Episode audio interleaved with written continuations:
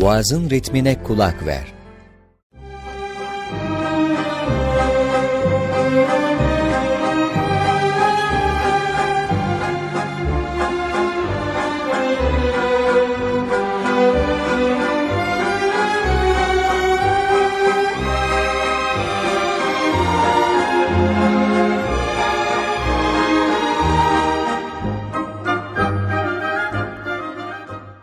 Herkese iyi akşamlar. Boğazın Sesi Radyosu'ndan, Yol Meselesi programından herkese selam olsun.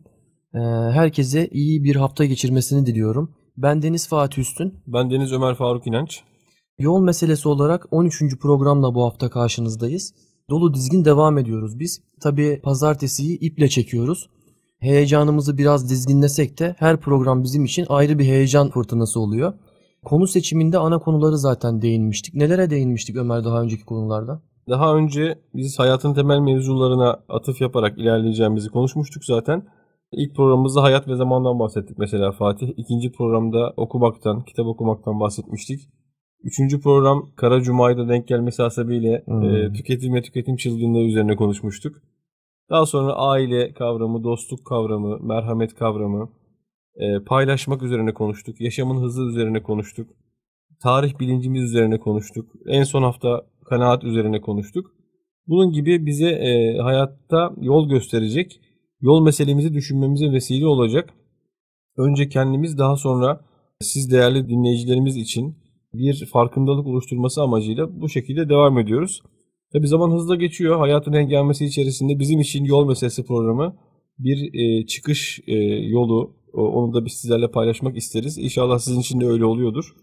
Güzel geri dönüşler oluyor. Bu bizleri motive ediyor. Biz Fatih'le bunu hissediyoruz, yaşıyoruz.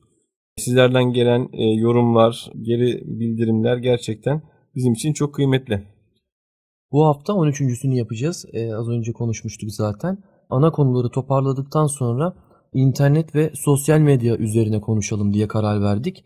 E tabi Deniz Derya çok büyük bir konu ama diğer konularla çok bağlantısı olduğunu fark ettik. Özellikle hmm, benim aklıma gelen Ömer paylaşmayı arttırması, sonra tüketim ve tüketim çılgınlığının bununla alakalı olması gibi ana konular üzerinden gitmek galiba güzel. Güzel gerçekten. Paylaşmak konusunda biz Fatih paylaşmanın önemini vurgulamıştık. Paylaşmanın son tahlilde ne kadar güzel bir davranış ve haslet olduğundan bahsetmiştik ama Şimdi bu sefer de paylaşmamayı mı biraz şey yapacağız? Öyle bir durum olacak herhalde. ee, ama neyi paylaşacağız, neyi paylaşmayacağız bunu netleştirmek hayatta çok önemli. Evet. Sosyal medya bu bakımdan e, üzerine konuşulması gereken bir konuydu gerçekten. Tabii interneti biz topyekün e, silemeyiz. İnternet hayatımıza e, ne zaman girdi? 1960'ta e, Amerika e, Birleşik Devletleri Savunma Bakanlığı ve e, üniversiteler bir proje geliştiriyor iki nokta arasındaki haberleşmeyi ve mesaj göndermeyi arttırmak için daha sonrasında zaten e, olay başlıyor 1960 civarında. E, her buluş gibi Ömer bu da tabii e, iki nokta arasındaki haberleşme olarak başlıyor ama e, farklı konumda bitiyor. Belki bitti mi onu bile bilmiyoruz yani devam ediyor hala da. Evet. Yani bulunan icatlar Fatih ilk çıkış noktalarından çok farklı mecralara akabiliyorlar gerçekten. Evet. Bugün adına Nobel hatta barış ödülü de verilen Nobel'in dinamiti bulduğunu biliyoruz mesela. Evet. Hiç aklına gelir miydi böyle bir şeye sebep olacağı? Ee, ama öyle oluyor işte. Acaba internet de böyle bir e, kaderi mi paylaşıyor dinamitle? Aynı, aynen öyle. Ee, şimdi internet tabii 1960'ta başlıyor. Daha sonrasında sosyal medya gelişiyor. Birbiriyle o kadar ilintili ki. Bir de tabii bizim Türkiye'nin durumu ne? Onu bilmemiz gerekiyor e, TÜİK istatistikleri var. Bir de VR Social diye bir grup var. O VR Social da çok komik. E, biz sosyaliz e, grubun ismi Ömer. Sosyal medya ile ilgili. Aynen öyle. ne kadar sosyaliz onu da bilmiyorum. Her yıl hazırlıyor. E, sosyal medya istatistikleri buna bakmak isteyenler bakabilir. Dijital 2019 in Turkey ismiyle yayınlıyor. Şimdi Türkiye'nin nüfusu 82 e, milyon civarında 2019 itibariyle. Tabii 2019 verilerini paylaşıyor ama ben onun öncesinde size 2015 ve 2016'da bizim internet kullanma oranımız nedir diye ülkemizde. 2015'te %56, daha sonrasında 2016'ya kadar bir yıl içerisinde %5'lik artıyor ve giderek artmaya başlıyor. 2019'da şu anda internet kullanım oranı ülkemizde %72. Bu yaklaşık 59 milyona tekabül ediyor. Ve aktif sosyal medya kullanıcısı da 52 milyon olup ülke nüfusunun %63'üne tekabül ediyor. Yine mobil olarak yani cebimizde cep telefonuyla bize her an bildirim gelebilir olarak 44 milyon kişi sosyal medya kullanıcısı. Buna daha sonra değineceğiz Ömer Faruk. Yani siz e, hayatınıza devam ederken bir anda bildirim gelmesi, odaklanabilmek, dikkat eksikliği falan buna Evet. psikiyatri bölümünde e, konuşuruz olur mu? Tabii. 2018 Ocak'tan 2019 Şubat'a ise yaklaşık bir yıl içerisinde %9 bir artışla 5 milyon kişi yeni internet kullanımına başlıyor. Türkiye'de değil mi Fatih? Türkiye'de. Ve aktif sosyal medya kullanıcısı ise yine %2 artışla 1 milyon oluyor. Çok büyük rakamlar değil mi Ömer ne dersin? Çok büyük rakamlar gerçekten. O kadar çok hayatımızın içinde ki bir tane kelime var Fatih. Yeni tabii dil canlı bir varlık olduğu için e, bizim hayatımızın şekillenmesiyle dil de kendini geliştiriyor. E, düşünce dünyamızın dışa vurumu diye düşün, söylemiştik bunu. Daha önceki programlarımızda konuşmuştuk. Dil çok önemli. Dilimize mutlaka hakim olmalıyız. Önce kendi dilimize hakim olup sonra yabancı dilleri öğrenmeliyiz. Her dil yeni bir ufuk demiştik. Bunun üzerine konuştuk. Evet. Nomofobi Fatih. Oo. Nomofobi yeni bir kelime bu. Tabii adından da anlaşılacağı üzerine bir fobi bu. Aslında no mobile phone'un kısaltılmasıyla oluşturulan bir kelime. Ee, geçen sene nomofobiyi yani daha doğrusu ne olduğunu açıklayalım. Cep telefonsuz kalma korkusu. Yani hatta fobisi bu. Fobi korku diyorsun ya. Korku ama fobinin şeyi şu Fatih, ho- e, şey psikiyatri tanımı şu. E, bir e, korkulan şey e, yaşandığında mesela diyelim köpek fobisi var bir kişide. Tabii ki hepimiz köpek saldırısına maruz kaldığımızda korkuyoruz. Kalp atışlarımız hızlanıyor. Ya kaçmayı ya saldırmayı o anda bir karar veriyoruz falan. Bunun fizyolojik şeyleri var. Ama fobiye geldiği zaman iş sadece köpek saldırdığında fiilen değil, kişi onu düşündüğünde de bu fiziksel tepkiler ortaya çıkmaya başlıyorsa artık buna fobi denmeye başlıyor. Yani Hmm. köpek kelimesini duyunca da kişi irite oluyor. Evet. Ee, burada nomofobi e, tanımlanmasında işte cep telefonsuz kaldığını zannettiğinde kişi hemen bir heyecan, an- gerginlik olayına e, giriyor. Cepleri yoklama diyorsun. Cepleri yoklama aman Allah'ım falan. Şimdi e, Cambridge sözlük var, geniş bir sözlük. 2019'da bu nomofobiyi yılın kelimesi ilan etti Fatih. Oo. Ya oraya kadar geldik. Ya o kadar yaygın ki artık e, herkes de cep telefonsuz mu çıktık acaba evden diye düşündüğümüzde veya cep telefonuna bir süre ulaşamadığımızda mutlaka hayattan bir şeyler kaçırıyoruz. Birileri bize e, böyle ulaşmaya çalışıyor, acil durumlar oluyor, dünya yanıyor da biz haberimiz olmuyormuş gibi hissetmeye başladık. Ya bu tabii ki anormal bir şüphesiz bir durum yani. Güzel bir yere değindin Ömer. E, ben bu mesela e, şeylere baktığım zaman TÜİK verilerine veya VR Social verilerine insanların niye heyecan yaptığını anlayabiliyorum. 2019'da Türkiye elektri- elektronik cihaz kullanımına bakıldığında yetişkin insanların %98'i cep telefonu kullanıyor Ömer Faruk. %98. Evet %77'si akıllı telefon bunların. Hmm. Neredeyse herkesin evinde televizyon var %99 Ömer. Neden çok dizi izlendiğini de anladım mesela. Dizilere neden bu kadar ehemmiyet gösterildiğini anladım. Evet. Yine %72 internet kullanıcısı var dedik ya ülkemizde. 59 milyon hani internet kullanıyordu. Hı hı. Bu 56 milyon kişide akıllı telefon olduğunu gösteriyor. 56 milyon akıllı telefon. Bakar mısın? Evet bazı kişilerde çünkü birden fazla var. Değil Evet. mi? Yani o ilginç. Bu şu anlama geliyor aslında Fatih. Bazı kişilerde birden fazla da sanal hayat olabiliyor. Yani bizim e, hepimizin artık neredeyse bir sanal versiyonumuz var. Bu bilim kurgu film ve dizilerinde e, görüyorduk bunları. E, hani o sanal karakterini yaşatan, onu gezdiren, onu işte tatile çıkartan falan bir oyuna hapsolmuş insanlar. Artık onu çoğumuz yaşıyoruz. Sanal karakterlerimizin yani bizim sosyal medya hesaplarımız oluyor bu. Ne kadar bizi yansıttığı çok tartışılacak bir konu. Yani Ee, acaba güzel. biz gerçekten sürekli tatile giden, her zaman mutlu olan, e, her fotoğrafta olduğu gibi hayatın tümünde de gülen, efendim işte hep iyi yemekler yiyen, hep iyilik yapan, hep iyilik yapan yani kişiler miyiz ki? yardımsever Evet, gibi gözüken. so- şeyde de sanal e, karakterimiz de öyle olsun ama gerçeği yansıtmıyor. Bir sahtecilik durumu söz konusu burada. Evet. Ee, öyle bir durum. Yani bazı kişilerin hatta bu birden fazla yüzü var anlamına geliyor. Yani e, fazla sanal karakterler fazla kişilikleri şey yapıyor. Okuduğum bir Evet. kitapta şöyle diyor Ömer. Araya giriyorum kusura bakma. Dilediğine, dilediği kişiliğini dilediği kadar gösteren diyor. Hmm, evet. Şimdi bakar mısınız ya bu kadar e, Evet. denklem içerisinde kim olduğunu nereden bilebileceğiz? Psikiyatride bir tabir var Ömer. Otantik insan deniyor buna. Hmm, gerçek kalabilen insan, sahici insan. O kadar az ki artık otantik olmuş mu? Onlara sarıl bırakma der gibi yani. Evet. ya öyle bir durum gerçekten Fatih ben hayatta bunu müşahede ediyorum.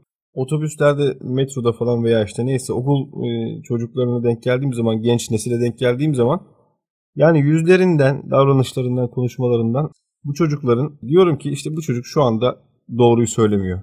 Yani o hissediliyor yani.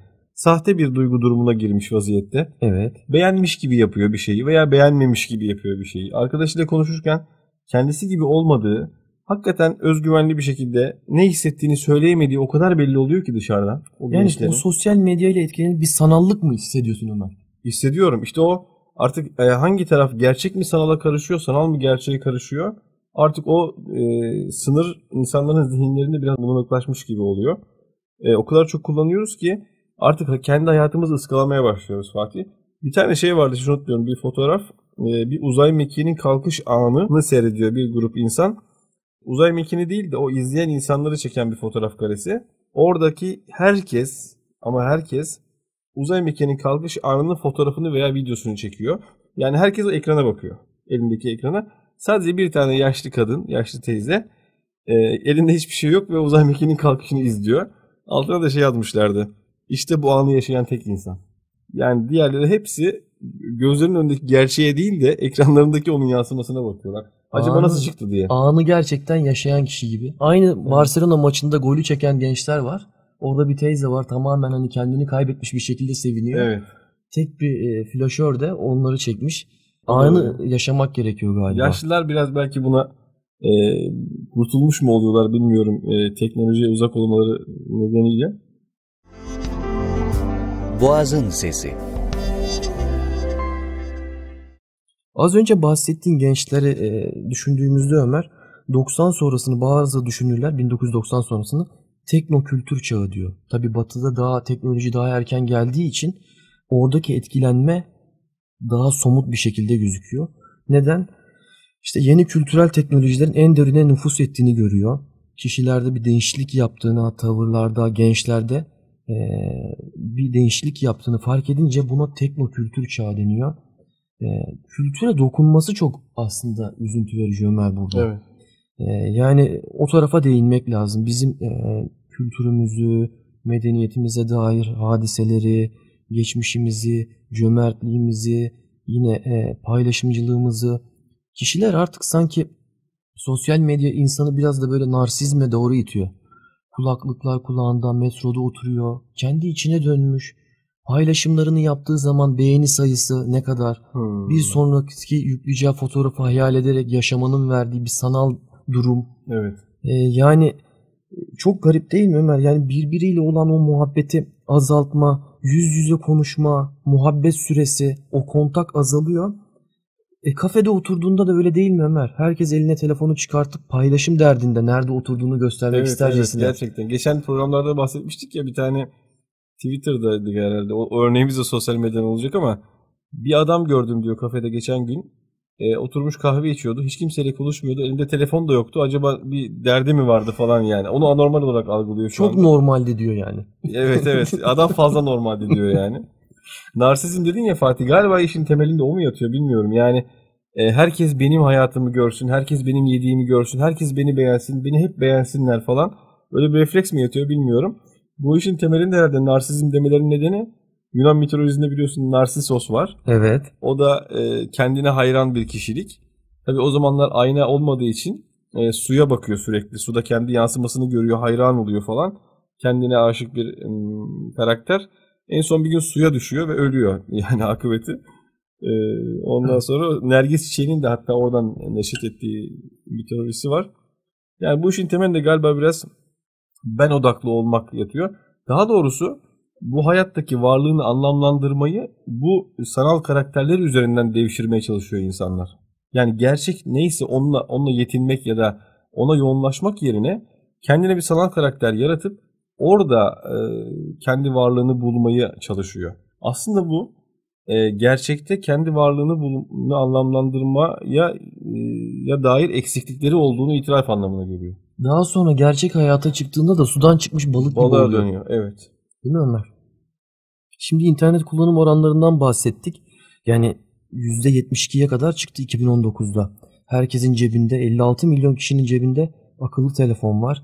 Peki tamam akıllı telefon var, internet var, sosyal medyaları cayır cayır kullanıyoruz. Bunları ne için kullanıyormuşuz Ömer? %82'si sosyal medya üzerinden profil oluşturma, mesaj gönderme ve fotoğraf paylaşma. Kendisiyle ilgili yani değil mi? Evet.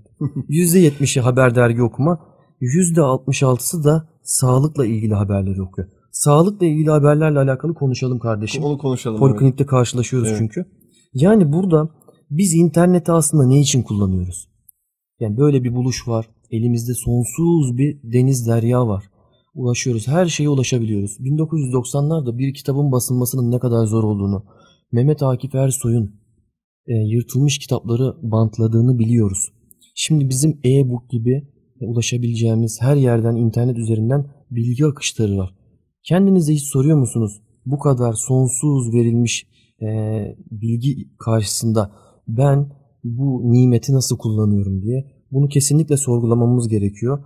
Yani bu teknokültür çağının içerisinde debelenirken birileri bizi yönetmemesi gerekiyor. Oturup bazen düşünmeliyiz. Bu sonsuz nimetleri nasıl kullanıyoruz diye. Evet bu konuyla alakalı ne düşünürsün Ömer? Mesela sağlıkla ilgili haberleri okuyup gelenler. Şimdi dedin ya %70'i sosyal medya profilleri ve diğer büyük oranlarda da yine sağlık ve %82 buçuk. %82 e, %60 küsürde galiba sağlıkla ilgiliydi. Biz bunu yaşıyoruz yani sayın dinleyicilerimiz. E, doktor olmamız hasebiyle her gün polikliniklerde bize gelen hastaların büyük bir kısmı internetten yalan yanlış bilgileri e, öğrenerek geliyorlar. Hiç e, alakası olmayan durumlardan dolayı endişeye kapılmış, dehşete kapılmış. Acaba kötü huylu bir durumum mu var? Hiç alakasız durumlarda acaba kanser miyim korkusuyla geliyorlar. Ve e, neredeyse yani neredeyse bunu üzülerek ifade ediyorum ki bize değil de internete inanır bir pozisyona düşüyor insanlar. E, Bilgi kırıntılarını toplayarak geliyorlar diyorsun değil mi Ömer? Evet ama öyle değil. Yani gerçek bilgi öyle elde edilmiyor. Aytunç Altındal'ın bir tane tabiri vardı. internet münevverliği diye. Kendisi bir bilgi deryası biliyorsun. Ee, Yani oturduğumuz sabaha kadar tık takılmadan konuşabilecek dünyaya dair bir kişiydi. Ee, hiç internet kullanmadan bu bilgileri elde ettiğini söylüyordu. Hiç Evet. internet kullanmadan. Evet. Yani az önce bahsettiğin e-book örneğinde de mesela gerçek kitap okuyucuları hiçbir zaman e-book'a tamah etmiyorlar. Ona teveccüh hep sınırlı kalıyor. E Ancak belki şov yapmak isteyenler bunu kullanıyorlar. Bana öyle geliyor. Tarz yani. da olabilir Ömer. Yani Önerenler belki var. iddialı, iddialı olacak benim şeyim ama gerçek kitap okuyucuları o kitap kokusunu duymadan, kitabı eline almadan rahat edemiyorlar. Birkaç kere çizmeden, Çizmeden, farklı renklerle evet. diyorsun. Kitaplığına onu koymadan rahat edemiyorlar. O bize gerçekliği çünkü çağrıştırıyor. Hakikati çağrıştırıyor. Ama şey, şunu da belirtmekte fayda var Fatih. Biz böyle sosyal medya, interneti yerden yüre vuracak değiliz. Ee, Ee, en sonunda tabii ki e, kendimizce e, düşündüğümüz itidal yolunu, e, orta yolu e, belki yani şeyin m, internet ve sosyal medyanın olumlu taraflarından da bahsedeceğiz. Ama e, konu bu şekilde gerçekten insan olumsuz taraflarını önce bahsetmekten, uzun uzun konuşmaktan kendini alamıyor. Böyle bir durum. Evet. Şimdi az önce bahsettik ya burada yapmamız gereken aslında e, bence devlet de girmesi gerekiyor devreye Ömer. E, ne yapıyoruz biz? E, kamu spotları her şeye dair kamu spotu yapılıyor. E, değil mi? Televizyon Evet. kanallarında da mesela o kadar abuk subuk şeyler yayınlanıyor ki bunlara sence bir müdahale gerekmiyor mu? E, yani sanki hatırlatıcı güzel böyle nefis kamu Evet. spotları çekilebilir yani. İnsanın gönlüne hitap edebilecek. Çünkü bizim insanımız öyle şeyleri anlıyor gerçekten. Anlıyor. O insanların anlayacağı dilden yapılan kamu spotlarının ben de işe yaradığına inanıyorum. Hı. Ama tabii e, bu iş e, devletin tabii ki burada bir şey olmalı ama biz önce kendimizi düzeltmemiz gerekiyor. Yani biz o dizilere sosyal medyaya tamah etmesek akşamları 3 saat 4 saat o kıymetli vaktimizi mesela tarihimizden bahseden diziler var. İnsanların e, yani bilinçlenmesi için diyelim tırnak içerisinde farkındalığın artması için e, çekilen diziler diyelim. Belli ölçüde faydaları var ama o diziden çıkan mesajın e, pratik hayata yansıması haftanın bir gününü bütün akşam boyunca televizyon karşısında geçirmek olmamalı yani. Ve onu e, okuyup e, o tarihi gerçekten okuduğunda yapacağın sentezle bazen reyting kaygısıyla olmuş o dizi arasında çok fark olabilir. Şüphesiz. Şüphesiz. Ya Çünkü o gibi- dizinin tutması gerekiyor yani. Evet, kesinlikle öyle. Yani hiçbir şey okumak gibi, emek vermek gibi olmuyor. Biz internetten bir an evvel her şeye ulaşmayı, bilgiyi kolay yollar elde edeceğimizi zannediyoruz ama gerçek sonucu hiçbir zaman alamıyoruz. Ee, birine bağlanmadan veya işte bir e, eğitim yoluna girmeden, emek sarf etmeden, sabretmeden, e, bedelini ödemeden hiçbir şey olmuyor. İnternet bize sanki bedelsiz e, bilgiler veriyormuş gibi ama gerçek hayatta pek öyle değil galiba. Şimdi ben şuraya çok takıldım Ömer. Acaba Türkiye bizim nerelere giriyor internette? Sosyal medya platformu olarak biz neleri kullanıyoruz diye. En çok YouTube'a giriş yapılıyor %92 ile. Yine 38 milyon kullanıcı var Instagram'da %84 ile ikinci. Ee, daha sonra %83 ile WhatsApp geliyor. %82 ile Facebook. 42 43 milyon kullanıcı var Türkiye'de Facebook'ta. Bu son yıl e, çıkan haberler vardı ya Ömer. Kişisel bilgileri paylaşıyor diye. Onunla beraber Facebook'ta acayip bir e, azalma var kullanıcı Evet, sayısında. Ki onu da değineceğiz az sonra. Facebook başlangıçta tabii kişisel bilgilerle alakalı kendini çok savunurken daha sonrasında artık savunma ihtiyacı bile duymamaya başladı. Evet kişisel bilgileri biz alıyoruz. Daha sonrasında sanki milletler üzerinden e, hani kişisel özellikleri alıp onlara dair bilgi sentezi yapıyoruz. Hatta telefonların dinlendiğine dair bile söylemler çıktı. Onları yalanlıyorlardı. Bir sene önce artık dinlendiği açığa çıktı Ömer. Evet. Facebook böyle %82 ile 43 milyon takipçiyle en çok takipçisi olan e, sosyal medya platformu Türkiye'de. %58'i internet kullananların Twitter'da. 9 milyon kişiymiş Ömer Türkiye'de. Bunların 10'da 8'i erkekmiş Türkiye'de. Çok ilginç. Öyle mi? Çoğu erkek yani. İlginç Erkek- bir gerçekten. Erkek baskın Hmm. bir e, sosyal medya. Benim Evet. üzüldüğüm noktalardan biri de şu. En üretken olduğumuz çağda yaklaşık e, sosyal medya kullanıcıların 1 bölü 3'ü 25-34 yaş aralığında. Evet. En verimli çağlarını ekrana bakarak geçiren. Ve ikincisi Gençler. de şu 35-44 yaş arası %21 ile. Yani ikisini topluyoruz 25 yaşla 44 yaş arası %54'ünü oluşturuyor. Sosyal medya kullanıcıları. Tamam biz sosyal medyayı kullanıyoruz. Sosyal medyayı ne için kullanıyoruz? O da çok önemli. Biz gördük yakın zamanda.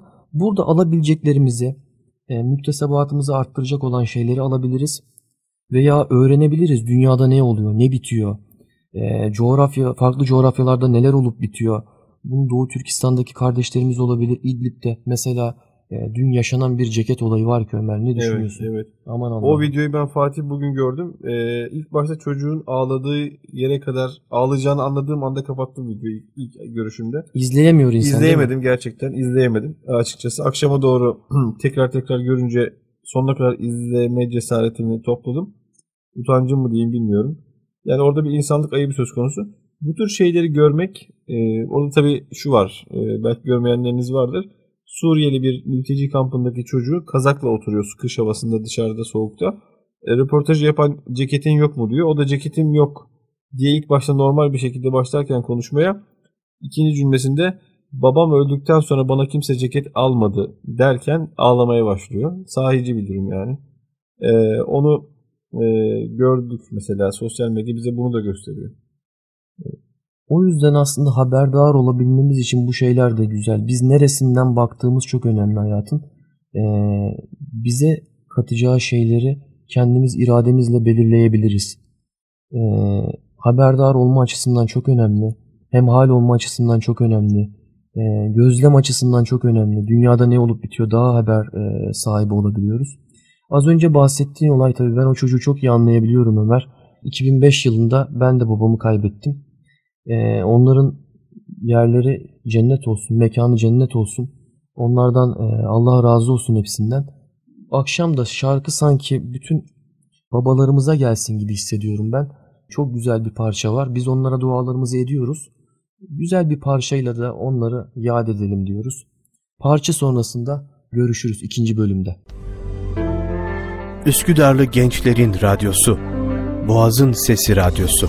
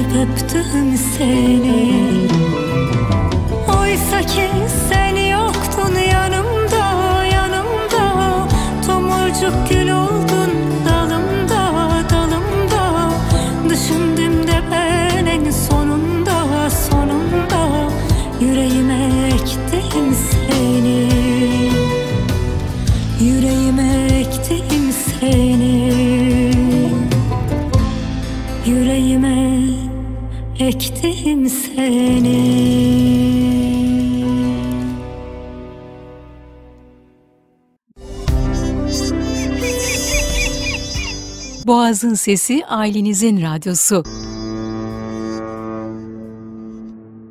Yol meselesinin 13. haftasında e, sevgili Fatih ile bu bölümümüzde internet ve sosyal medya üzerine konuşuyoruz.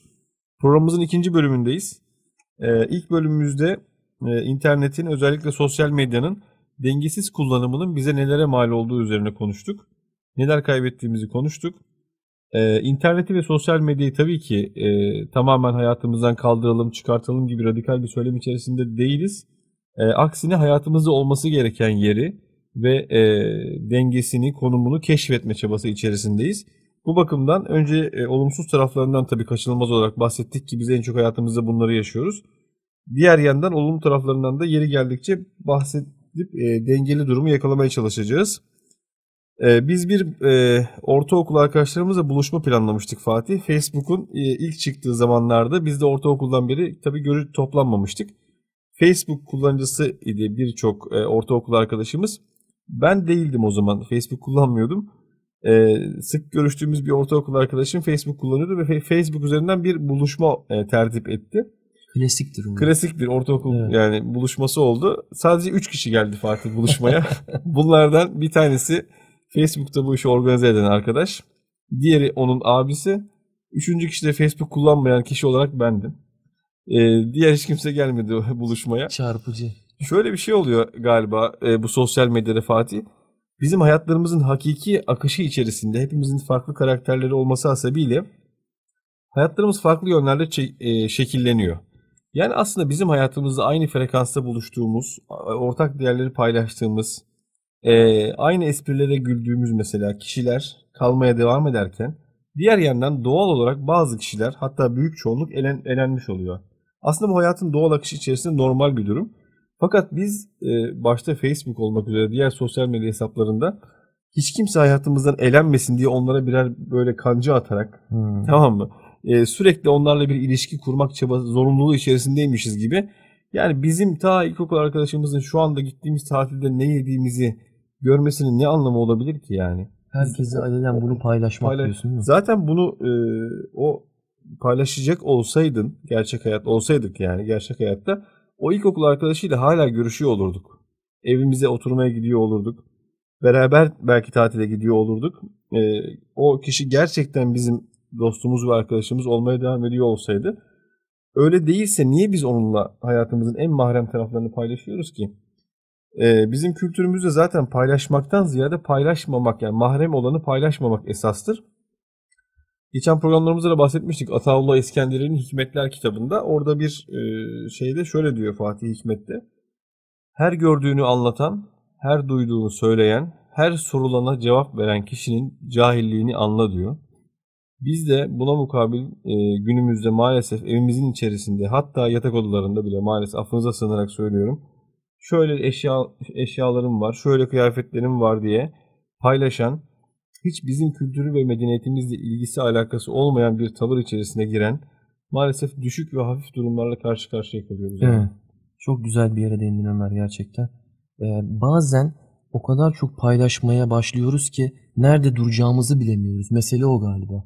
Buna Evet. alışmış olmak durumu gibi. Hı hı. E şimdi sosyal medya geldi, internet yavaşça geldi hayatımıza, giriş yaptı. E biz topyekun bunları yok sayamayız. Biz bu yeni dünyanın evlatlarıyız hepimiz.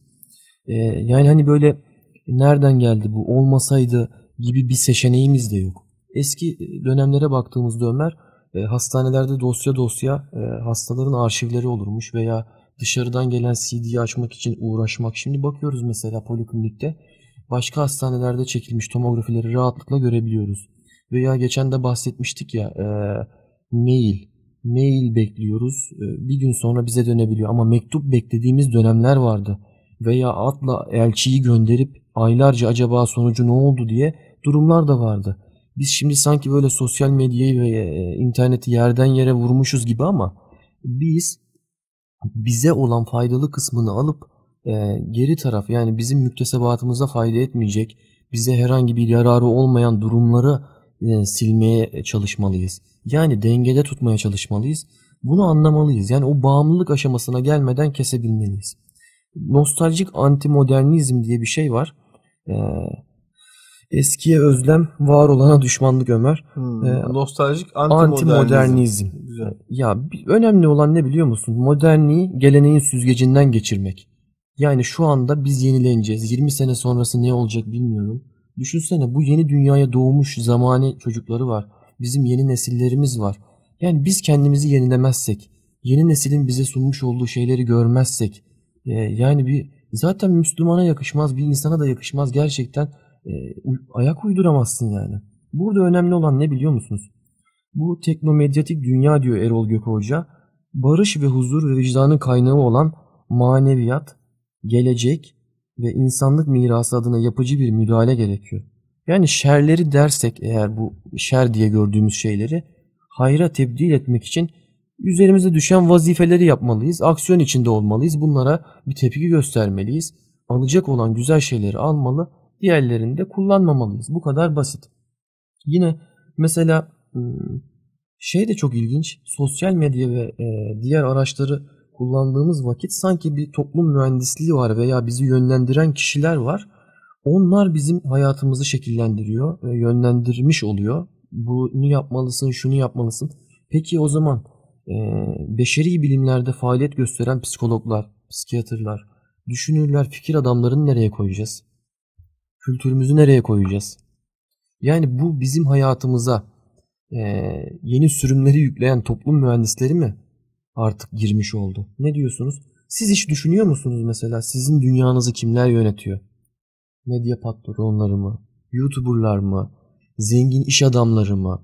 Veya bir kulüp başkanı mı? Ne düşünüyorsunuz sizce? Bu tür işleri yapan zaten Fatih ortaya da çıktı. Ee, şeyler var, şirketler var dünyada. Evet. Ee, bunun belgeselleri de çekildi.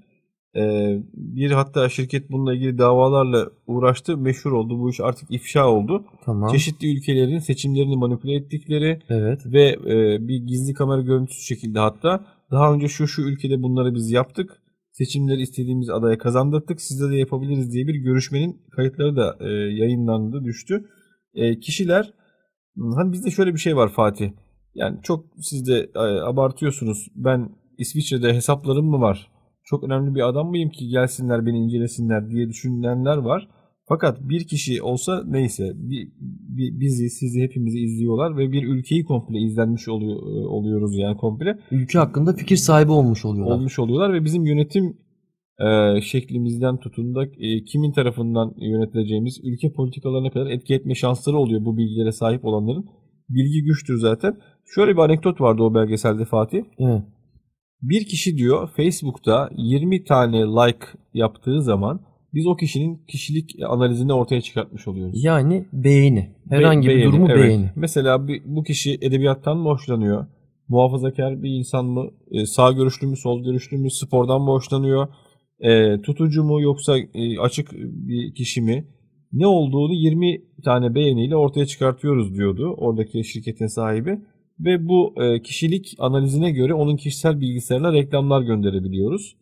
E, seçime katılan adayı o kişi nasıl görmek isterse biz onu öyle gösterebiliyoruz diyordu. Aslında devletin iç işlerine müdahale gibi değil mi? Müdahale, Seçim diyorsun. Belki darbeler bile Ömer yani. Evet. Çok büyük bir şey var e, bu işin yani e, boyutları var. Bunun temelinde herhalde bizim bu tuzaklara düşmemizde gözümüzün biraz kapatılmasında o geçen programda da bahsettiğimiz bir deney vardı Fatih. Harvard Üniversitesi'nde 75 yıl boyunca yapılan bir deney. Orada insanların e, ilk iki istekleri hayattan beklentileri bir zengin olmak, iki meşhur olmaktı. Hmm. Ee, orada bu deneyden uzun uzun bahsetmiştik. Biz biraz meşhur olalım, e, bilinilelim, başkaları tarafından beğenilelim e, şeyiyle, ilkel refleksiyle, e, güdüsüyle diyelim. Bu tuzaklara düşüp ötesini, berisini, arkasını e, düşünmeden e, bu dünyanın içerisine dalıyoruz. Halbuki bizim kültürümüzde öyle bir durum yok. Geçenlerde sen bahsetmiştin geçen programlarda Maverdi'den bir alıntı yapmıştın. Evet. O alıntıyı sen yapınca bizim evde o kitap e, Maverdi'nin bir kitabı olduğunu ben hatırladım. E, o kitabı geçen hafta elime alıp tekrar incele, inceledim. Bergamalı Cevdet Efendi diye bir e, İstanbul Darülfünunu yani üniversitenin Osmanlı'daki son halinde bir hoca. Onu Türkçe'ye çevirmiş e, yaklaşık 120 yıl önce. Bergamalı Cevdet Efendi'nin de meşhur olmak ve şöhretle ilgili bir beyti var. Ben onu zaten daha önce duymuştum da ona ait olduğunu bilmiyordum. Diyor ki beyt şöyle. Sadayı kûsu şöhret gulgulu derdü beladır hep. Görür mü kimse rahat merdûmü binamdan gayrı. Şimdi bu beytin ne olduğuna bakacağız ama Bergamalı Cevdet'in yani şöhretin bir bela olduğunu anlattığı bu beytine nasıl geldiğini bir düşüne, görelim isterseniz. Ya. Hayatından bir örnek vereceğim. İstanbul Üniversitesi'nde hoca yani günümüz tabiriyle İstanbul'da yaşıyor. Evet. Aslında çok esprili, şen şahkrak, kısa boylu ve hafif tombul birisi diye tarif ediyorlar. Bu kişi diyor ki bir gün eşine ben diyor bir haftalık falan bir görevlendirme verdi bana devlet diyor. Ee, oraya gideceğim bir bavul hazırlayalım falan. Ee, evden bir çıkıyor Fatih 3 ay sonra geliyor. Eşi tabi o zaman haberleşme bu kadar yok. Eşi kapıda görünce tanıyamıyor. Saç sakal uzamış, zayıflamış, eski elbiseleri yıp- yıpranmış falan. Ee, nereden geldiğini tabii konuşunca 3 ay boyunca devlet diyor beni Kurtuluş Savaşı yapılıyor şu an Anadolu'da. Köy köy kasaba kasaba dolaştım. Aç kaldım, yolda kaldım ama insanlara Kurtuluş Savaşlarına iştirak etmeleri gerektiğini anlattım. Ve birçok benim gibi üniversite hocası, entelektüel yazar, Mehmet Akif'in de böyle bir görevi olmuştu. Bu tür e, kişilerle karşılaştım. Her yer bu insanlarla kaynıyor. Bu durumda ben bir hafta sonra eve geri dönemezdim ve yol, e, insanlarla konuşmaya devam ettim diyor. Böyle bir kişi. E, şimdi diyor ki bu e, Bergamalı Cevdet beytinde Sadayı Kûsu şöhret. Kûs kös, e, büyük davul demek. Şöhret davulunun sesi tamamen dert ve bela doludur diyor. Görür mü kimse rahat merdûmü binamdan gayrı. Yani meşhur olmayan adamın rahatlığı kadar hiç kimsede bir rahatlık var mıdır acaba diyor. Yani ne kadar meşhursak o kadar derdimiz var anlamına geliyor. Evet. Ee, o bakımdan yani bizim kendi kültürümüzde aslında bilinmekten ziyade bilinmemek veya hakkıyla bilinmek neysek o ya göründüğün gibi ol ya olduğun gibi görün bizim temel düsturlarımızdan Mevlana'ya ait bir söz artık formülleşmiş. Yani bizim sosyal medya hesaplarımız acaba ne kadar olduğumuz gibi görünüyor? Ya da biz ne kadar göründüğümüz gibi oluyoruz gerçek hayatımızda. Bir de sanki biri bizi gözetliyor gibi Evet. ama bunu kendi isteğimizle yapıyoruz değil mi Ömer? O da çok garip değil mi? yani? öyle. Muhakkak Bizi öyle. herkes gözetliyor gibi. Evet. Bundan da bir haz mı duyuyoruz acaba? Ama bu haz bizim gözümüzü köreltiyor işte. Orada şey diyor, Facebook'un mesela yararlandığı bu defeklerle alakalı kurucusu zamanın e, ve bu beğenilme arzusunun beyinde yarattığı e, o hmm, hani dopamin bağımlı olması. Kişiler beğenildikçe e, vücudun bağımlılık e, sentezleyen bir hormonu vardır, dopamin. Onu okşadığı, belki de gururunu okşadığı diyebiliriz. Evet, evet. O defekt üzerinden, insanın bu yanılsaması üzerinden yararlandıklarını Değil söylüyorlar. Onu bile düşünüyorlar ve bunu itiraf da ediyor adam. Yani Artık itiraf etmekten hiç Evet, gocunmuyor bile. gocunmuyor. Çünkü alıştığımızı biliyor Ömer. Ee, yakın zamanda Facebook'un yine e, yine akıllı telefonların bizi dinledikleri ortaya çıktı. Zaten az önce de sen de bahsettin. Telefon bir anda bizi yani telefonda bizim konuştuğumuz şeyler üzerinden öneriler vermeye başlıyor. evet, Atıyorum bir yerde termal otele mi gitsek diyorsunuz. Bir anda bir bakıyorsunuz bütün reklamlar termal otel olarak önünüze sunulu veriyor. evet. Ve biz de işin trajik tarafı buna alışıyoruz Fatih ya. Ve artık onu dediğin gibi maharetimize çok ilginç e, yani. müdahale ediyor gibi düşünmüyoruz da aman canım ne olacak gibi hayatımıza Evet. devam ediyoruz. Yani şimdi sosyolog Sigmund Bauman var çok ünlü konuşmuştuk az önce de zaten. Bizim sosyal medya ve internetin bizde oluşturduğu bu tahribat çok e, şu açıdan üzücü bir de Ömer. İnternete ve hayata böyle alışmamızla beraber akışkan görmeye başladık her Hmm. şeyi. Yani bir X'e basarak sanki çıkabiliyoruz gibi. İnsani ilişkilerimiz de aynı. Yine borsadaki Evet, gibi, evet. al sat yapma Evet. gibi. Veya internetteki çok farklı değil anlatabiliyor muyum? Yani Hı. böyle ilişkilere ba- arkadaşlığımız, dostluğumuz, komşumuzla olan muhabbetimiz böyle sanki yüzeyselleşti gibi. Ne dersin sen bununla alakalı? Müthiş e, bir tespit. Gerçekten ben onun e, video kaydını da dinlemiştim Fatih. Evet. Bu kadar çok bir insanın arkadaşı olamaz diyor. 500 arkadaş falan böyle bir şey mümkün değil diyor gerçek hayatta. Ama hepimiz şimdi arkadaş yarıştırma durumları var. 1000 arkadaş, 500 arkadaş. Bunlar gerçek olmadığı ortada. Yani hiç kimsenin 500 arkadaşı veya öyle 500 arkadaşın olacağını bir tane gerçekten arkadaşın olsun. Bu kadar çok arkadaşı olmasının kişiye caiz, cazip gelen tarafı şu diyordu. Bu kişilerle arkadaş olmak ve arkadaşlığını sonlandırmak çok kolay. Sadece bir tele- tuşa basmakla oluyor diyor. Ama gerçek hayat öyle mi? Değil. Evet. Bir arkadaş edinmek çok büyük bir meseledir. Ve arkadaşlığı bitirmek de çok büyük bir meseledir. Bundan insanda iz bırakır. Hatta Fatih Evet. bunu sensiz olayında da ben bir yerde okumuştum. Aslında karşı tarafa saygınlık uyandıran ifadenin siz olduğu düşünülmesine rağmen eee, sen demek bir kıymet ifadesidir. Yani aslında herkese sen denmez. Sadece arkadaşın olduğun, samimi olduğun kişiye sen diyebilirsin. Evet. O bakımdan aslında sen biraz daha kıymetli oluyor. Biz bu edep, adap ve şeyleri, nezaket kurallarını çoktan unuttuğumuz için sosyal medyada da bir arkadaş edinmek ve arkadaşlarını kopmak sadece bir tık kadar kolay geliyor insanlara. Ama gerçek hayat öyle değil. Senin ilk bölümde de dediğin gibi o çocuklar, o ortamlarda büyüyen, hayal dünyası, hayat tasavvuru orada şekillenen çocuklar erişkin olup da gerçek hayata düştükleri zaman sudan çıkmış balığa dönüyorlar işte.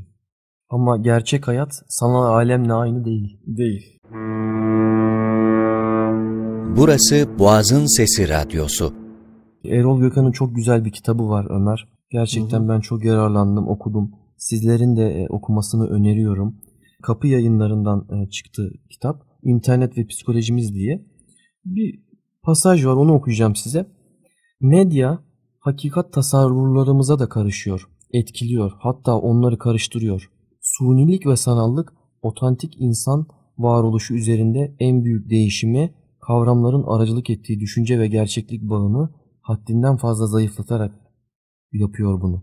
Kavramlar etkilerini giderek yitiriyor. İmaj ve fantezi öne çıkıyor. Bir nevi felsefesizleşme bu. Tüm bunlar nedeniyle artık iyi hayat sorunuyla ilgilenmiyoruz. Kendimizi, kaderimizi mühendislerin eline bırakmış durumdayız. Yaşantımızdan çıkardığımız sezgisel, pratik bilgilerin değerini bilmiyoruz. Hikmet, irfan gibi kelimelerin anlamlarının yanından bile geçmiyor zihnimiz. Felsefi sorgulamadan ve hayat bilgisinden ödümüz kopuyor. En çok bilimsel bilgiye inanıyoruz, lakin en nihayetinde manevi bir varlığız, inançsız da yapamıyoruz. Geleneksel dini inançlar zayıflamakla birlikte birçoğumuzun yaşamlarına yön vermeye devam ediyor. Sanıyorum hızla değişen bu dünyada kaymadan ayakta durma ihtiyacından olsa gerek tutunabildiğimiz değerlere daha çok sarılıyoruz. Bu nedenle fanatizm de artıyor diyor. Aslında burada hani diyor ya felsefesizleşme, sorgulamadan vazgeçmek, Evet. hikmet, irfan ne? Bu kavramları unutturuyor. Geçen hafta bahsettik ya dil ve hitabette. Yani kendi vaktimizi o kadar çok buralara harcıyoruz ki artık Silikon Vadisi'nde ve bu yöneticiler, Facebook yöneticileri kendi Facebook hesaplarını siliyorlarmış Ömer. Evet. Instagram hesaplarını. Çünkü ekran süresini yüklüyorlar. Öyle uygulamaları yüklüyorlar ki kendilerini kontrol edebilmek için. Evet. Gerçekten bunu kontrol etmeliyiz. Ee, Bir de bir müddet sonra biz ne hale geldiğimizi anlayamıyoruz. Mesela Türkiye'deki ateizmin %4'e yükseldiğini, deizmle alakalı e, yine oranların çok yükseldiğini biliyoruz. Biz kimiz? Evet Fatih. Burada ben bir şey söylemek istiyorum. Karl Marx'ın meşhur sözü din kitlelerin afyonudur diye bir sözü var Fatih. Bu ilk bakışta e, dini tahkir eden, küçümseyen ve yok sayan bir söz gibi algılanmasına rağmen belki de böyle söylemiştir. Ondan tam emin değiliz ama diğer yandan bu sözü şöyle algılayanlar da var. E, bunu iyi niyetle söylemiştir Karl Marx diye. Dini aslında kötülemiyor. Çünkü bu hayat o kadar acılarla ve dengesizlikler, adaletsizliklerle dolu ki insan ancak bu hayatı bir din anlayışıyla hayatını anlamlandırarak yaşayabilir. Üstesinden ancak böyle gelebilir. Tıpkı ameliyat olan bir hastanın o zamanlar anestezi için kullanılan afyon alması gibi diye düşünenler de var. Yani Evet. dini olumluyor muydu, olumsuzluyor muydu ondan emin değiliz ama o zamanlar kitlelerin afyonu olarak dini görmüştü Karl Marx. Herhalde şimdi de Fatih kitlemizin, kitlelerimizin afyonu var mı? Varsa nedir diye sorarsak herhalde bir numaraya sosyal medyayı koymak gerekir. Senin de dediğin gibi ne olduğumuzu bile anlayamayacak bir uyuşukluğa e, düçar olmuş vaziyetteyiz yani. Evet. Bunu üstüne düşünmek gerekiyor gerçekten. Kafamızı kaldırıp gökyüzüne bile bakmıyoruz Fatih. Bence bizim hastalarımızdan bahsetmiştik. Yine birçok başvuru oluyor. Boyun ağrıları, bel ağrıları, omuz ağrıları. E, Çünkü insanlar artık e, fizyolojilerine uygun bir şekilde yaşamıyorlar. Uzun süre ellerinde ekranlar, sürekli parmaklarıyla ekranlara basıyorlar. E, kamburlaşmış bir şekilde duruyorlar. Yürürken hep e, gözlerinde tele- gözleri telefonlarında. Halbuki biz ufka doğru baktığımız zaman Fatih, e, önümüzde eğer bir açıklık söz konusuysa tamamen görüş alanımıza giren e, manzaranın çok büyük bir kısmını gökyüzü oluşturuyor. Belki %70'ini. Çok az bir kısmını su ve kara oluşturuyor. Yani aslında bunun bir anlamı olmalı bence. E, biz gökyüzüne bakmalıyız yani. Kafamızı yukarı kaldırmalıyız. Bırakalım biz şimdi toprağa bakmayı. Toprağa bile bakmıyoruz. Sadece ekranlara bakıyoruz. O bizim beyin dalgalarımızı alt üst eden şeylere kendimizi teslim ediyoruz gönüllü olarak yani. Herkes tabi Boğaz'ın Sesi Radyosu'nda görev yapan herkes bu manzarayı öve öve bitiremiyor Ömer. Evet. Peki az önce seninle bir şey konuşmuştuk. Ne? Onu Evet. söyler misin? Şuydu. Biz bu manzarayı o kadar güzel buluyoruz ki Fatih'le. Bizim konuşmalarımızı belki biraz e, değer katan da bu manzaradır. E, ama her seferinde biz Fatih'le buraya gelişimizde bu manzaranın fotoğrafını çekmek istiyoruz telefonlarımızda. Fakat her çektiğimiz fotoğrafı da bir türlü bizi ikna etmiyor, beğenmiyoruz. Hiçbir şekilde bizim gerçekten gördüğümüz bu manzaranın yansıtmıyor değil mi Fatih? Gözümüzün gördüğünü hiçbir makine algılayamıyor. Algılayamıyor. Öyle olmuyor. O kadar güzel olmuyor yani. Şimdi e, tabii biz sosyal medya ve internet üzerine konuşuyoruz. Güzel de gidiyor sohbet. E, ilerliyoruz. Yapılan araştırmalar var e, psikiyatri açısından Ömer. E, hastalara değerlendiriliyor veya sosyal medya kullanıcıları diyelim. Hasta da demeyelim ama has, bir sürü hastalığa da sebebiyet veriyor gerçekten. 100 gönüllü üzerinde yapılan araştırmada sosyal medya kullananlar arasında mantıklı düşünme ve akıl yürütmeyi bariz azalttığı görülmüş Hmm. Ömer. Yine Bilimsel bir veri olarak bilimsel yani. veri aynı yine Evet. Pittsburgh'da yapılan bir e, çalışmada 1787 kişi katılıyor. Amerika'da yapılıyor. E, 1 bölü 4'ünde %25'inde depresyon saptanıyor. Gerçekten çok yüksek bir rakam. Ve narsizmi. Şimdi aslında bu narsizm kendi iç dünyana çekilmeni sağlıyor. E, işte metroda kulaklıkla görüyoruz veya toplumda ben kendime yeterim algısı oluyor. Sosyal medyaya dalıyor, toplumdan soyutlanıyor, evin salonunda otururken öyle kafede otururken öyle, kütüphanede öyle. Bir anda bu muhabbet edememe, hislerini paylaşamama, Evet. sevinç, gülme atraksiyonu Evet. bunları yaşamamama nedeniyle depresyon gelişmeye başlıyor Ömer. Evet. E, yine çocuklarımızın ellerinde tabletler görüyorsun, akıllı telefonlar. E, göz doktoru bu mavi ışığın yayılan yüksek enerjili bir e, ışık olduğunu söylüyor. E, düşük dalga boylu ama yüksek enerjili. Melatonin hormonunu etkilediği, melatonin de gün ışığı gittikten sonra bizi uykuya meylettiren artık e, o hani uyuşma halini veren e, hormondur. Yine antidepresandır kendisi Ömer, melatonin hormonu. Biz tabi doğal olarak yatmadan önce uykumuz gelsin diye baktığımız tabletler ve akıllı telefonlar e, beynimizi yanıltıyor ve melatonin hormonunu kesiyor. Evet. Tam tersi bir etki yapıyor. Tam tersi. Dolayısıyla uyku düzensizlikleri, dikkat eksikliği, e, yine uykusunu alamamaya bağlı olarak huzursuzluk, mutsuzluk, yine gün içerisindeki ha- hareketimizi azalttığı, e, dolayısıyla obeziteye meylettiği. Günde düşünsene Ömer mesela yine VR Social araştırmasında ortalama günlük kişi başı 2 saat 46 dakika sosyal medyada takıldığımızı söylüyor. Günlük ortalama 1 saat müzik dinleyen gençlerimiz var. Televizyonu zaten saymıyorum ki. Hepsinin 7 Say- saati bulduğunu söylüyor. Sayılamayacak kadar çok değil mi? Hepsinin 7 saati bulduğunu söylüyor. Geriye ne kalıyor ki Ömer? evet. Geriye ne kalıyor? Ne kalıyor geriye? Kalan zamanda da insan düşünebilir mi o ayrı.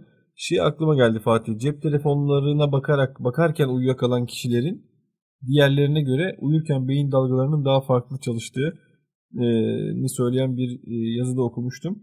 Yani telefonu uzak bir köşeye bırakıp öyle yatağa geçmek lazım. Veya normal kitap okuyarak uyumak da e, sağlıklı. Ekrana bakmak yerine. Evet. Çocuklarda miyopi yine %30'dan %50'ye yükselmiş. Onunla alakalı sen deyince şimdi hani ufka bakmak, göğe bakmak, etrafa bakmak, manzaraya bakmak o kadar yakın tutuyorlar ki gözlerine tableti veya şey akıllı telefonu Ömer. Yani bu miyop e, yani çok def yani artmış. Evet. Ve onunla alakalı da 20-20 kula- kuralını öneriyor. 20-20-20 kuralı. E, 20 dakika sonra 20 saniye kadar gözlerimizi en az 20 metre ileriye bakmak Hmm. gözümüzü e, Evet. yani katarakt, göz uyuşukluğu, yine göz batmalarından koruduğunu söylüyor. O 20-20-20 kuralını aklımızdan çıkarmayalım. Bizim eskiler de zaten yeşile bakmak göz dinlendirir derler.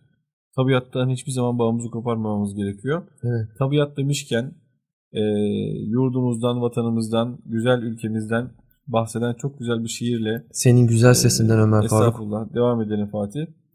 Erdem Beyazıt merhum kıymetli şairimiz ondan sana bana vatanıma ülkemin insanlarına dair şiirini okuyalım. Telgrafın tellerini kurşunlamalı. Öyle değildi bu türkü bilirim. Bir de içime her istasyonda duran sonra tekrar yürüyen bir posta katarı gibi simsiyah dumanlar dökerek bazen gelmesi beklenen bazen ansızın çıka gelen haberler bilirim, mektuplar bilirim. Gamdan dağlar kurmalıyım, kayaları kelimeler olan, kırk ikindi saymalıyım, kırk gün hüzün boşaltan omuzlarıma, saçlarıma, saçlarının akışını anar anmaz omuzlarından, baştan ayağa ıslanmalıyım, gam dağlarına çıkıp naralar atmalıyım. İçimde kaynayan bir mahşer var. Bu mahşer bir de annelerin kalbinde kaynar. Çünkü onlar gün örerken pencere önlerinde ya da çamaşır sererken bahçelerinde birden alıverirler kara haberini okul dönüşü bir trafik kazasında can veren oğullarının. Bir de gencecik aşıkların yüreklerini bilirim. Bir dolmuşta yorgun şoförler için bestelenmiş bir şarkıdan bir kelime düşüverince içlerine karanlık, karanlık sokaklarına dalarak şehirlerin, beton apartmanların sağır duvarlarını yumruklayan ya da Melal Denizi parkların ıssız yerlerinde örneğin Hint okyanusu gibi derin, isyanın kapkara sularına dalan. Nice akşamlar bilirim ki karanlığını bir millet hastanesinde 9 kişilik kadınlar koğuşu koridorunda başını kalorifer borularına gömmüş, beyaz giysilerinden uykular dökülen tabiplerden haber sormaya korkan genç kızların yüreğinden almıştır. Bir de baharlar bilirim. Apartman odalarında büyüyen çocukların bilmediği, bilemeyeceği, Anadolu bozkırlarında İstanbul'dan çıkıp Diyarbakır'a doğru tekerleri, yamalı asfaltları bir Ağustos susuzluğu ile içen, cesur otobüs pencerelerinden bilinçsiz bir baş kayması ile görülen evrensel kadınların iki büklüm çapa yaptıkları tarla kenarlarında çıplak ayakları yumuşak topraklara batmış ırgat çocuklarının bir ellerinde bayat bir ekmeği kemirirken diğer ellerinde sarkan yemyeşil bir soğanla gelen. Yazlar bilirim memleketime özgü. Yiğit köy delikanlılarının incir çekirdeği meselelerle birbirini kurşunladıkları, birinin ölü dudaklarından sızan kan daha kurumadan üstüne cehennem güneşlerde göğermiş mor sinekler konup kalkan, diğeri kanter içinde yayla yollarında mavzerinin demirini alnına dayamış, yüreği susuzluktan bunalan, içinden mahpushane çeşmeleri akan, ansızın parlayan keklikleri jandarma baskını sanıp apansız silahına davranan nice delikanlıların figüranlık yaptığı yazlar bilirim memleketime özgü diyor Erdem Beyazıt ve şiir böyle devam ediyor. Zamanımızda hepsini okumayalım.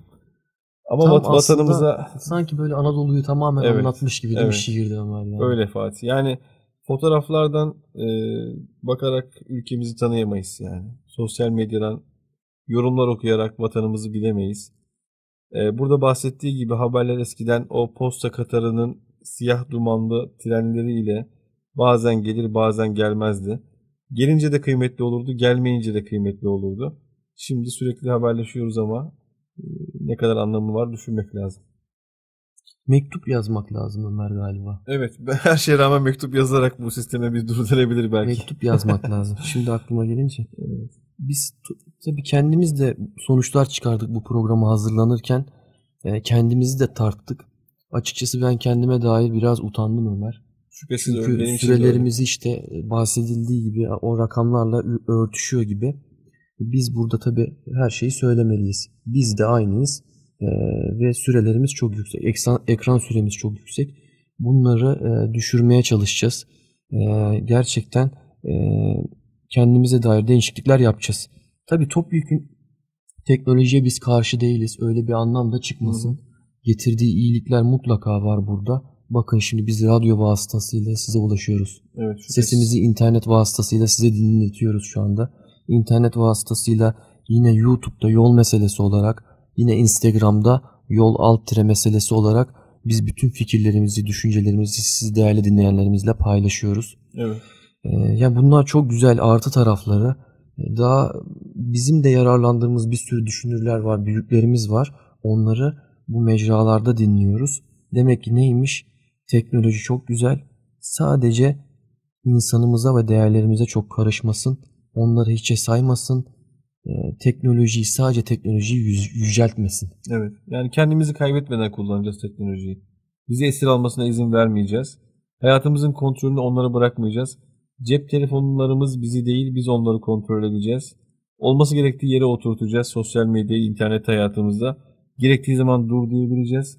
Gerektiği zaman ekranlarımızı kapatıp sevdiğimizin, çocuklarımızın yüzlerine, arkadaşlarımızın yüzlerine bakabileceğiz. Ee, her söylenene inanmayacağız internette. Yalan haberler, dezenformasyonlar had safhada. Ee, bir ayetle bu nihayete erdirebiliriz Fatih. Ben sözlerimi o şekilde. Ee, bu konuyla ilgili e, inandığımız e, dinimizin, inandığımız e, Kur'an-ı Kerim'i, kitabımız diyor ki Ey iman edenler size bir fasık bir haber getirdiğinde onun doğruluğunu araştırın. Yoksa bilmeden bir topluluğa zarar verirsiniz de sonradan yaptığınıza pişman olursunuz. Ya. Biz sürekli sosyal medyada bu ayeti ihlal ediyoruz Fatih. Evet. Çok dikkat etmeliyiz gerçekten. Ee, yani çıkartacağımız sonuçlardan ya o kadar çok sonuç çıkarttık ki Ömer. Biz kendimiz çalışırken de zaten ee, o sonuçları çıkarttık, uygulayacağız. Ben bu programı dinleyen herkesten, herkesten ee, mailler hayatımıza o kadar girdi, yorumlar o kadar girdi ki birbirimize mektup yazmayı öneriyorum. Tanıdıklarımıza, sevdiklerimize o şekilde e, kendimizi gösterebiliriz, ifade edebiliriz. Ben çok keyif aldım Ömer seninle bu programı yapmaktan. Güzel geçti gerçekten. Aynı hisleri paylaşıyoruz Fatih. Kendinize çok çok iyi bakın. Haftamız güzel geçsin. İyi insanlarla karşılaşalım. Faydalı olalım. E, faydalılık çok esas gerçekten. Kalın sağlıcakla. Allah'a emanet olun. Evet, yol meselemiz her zaman gündemimizde olsun. Hayırlı akşamlar.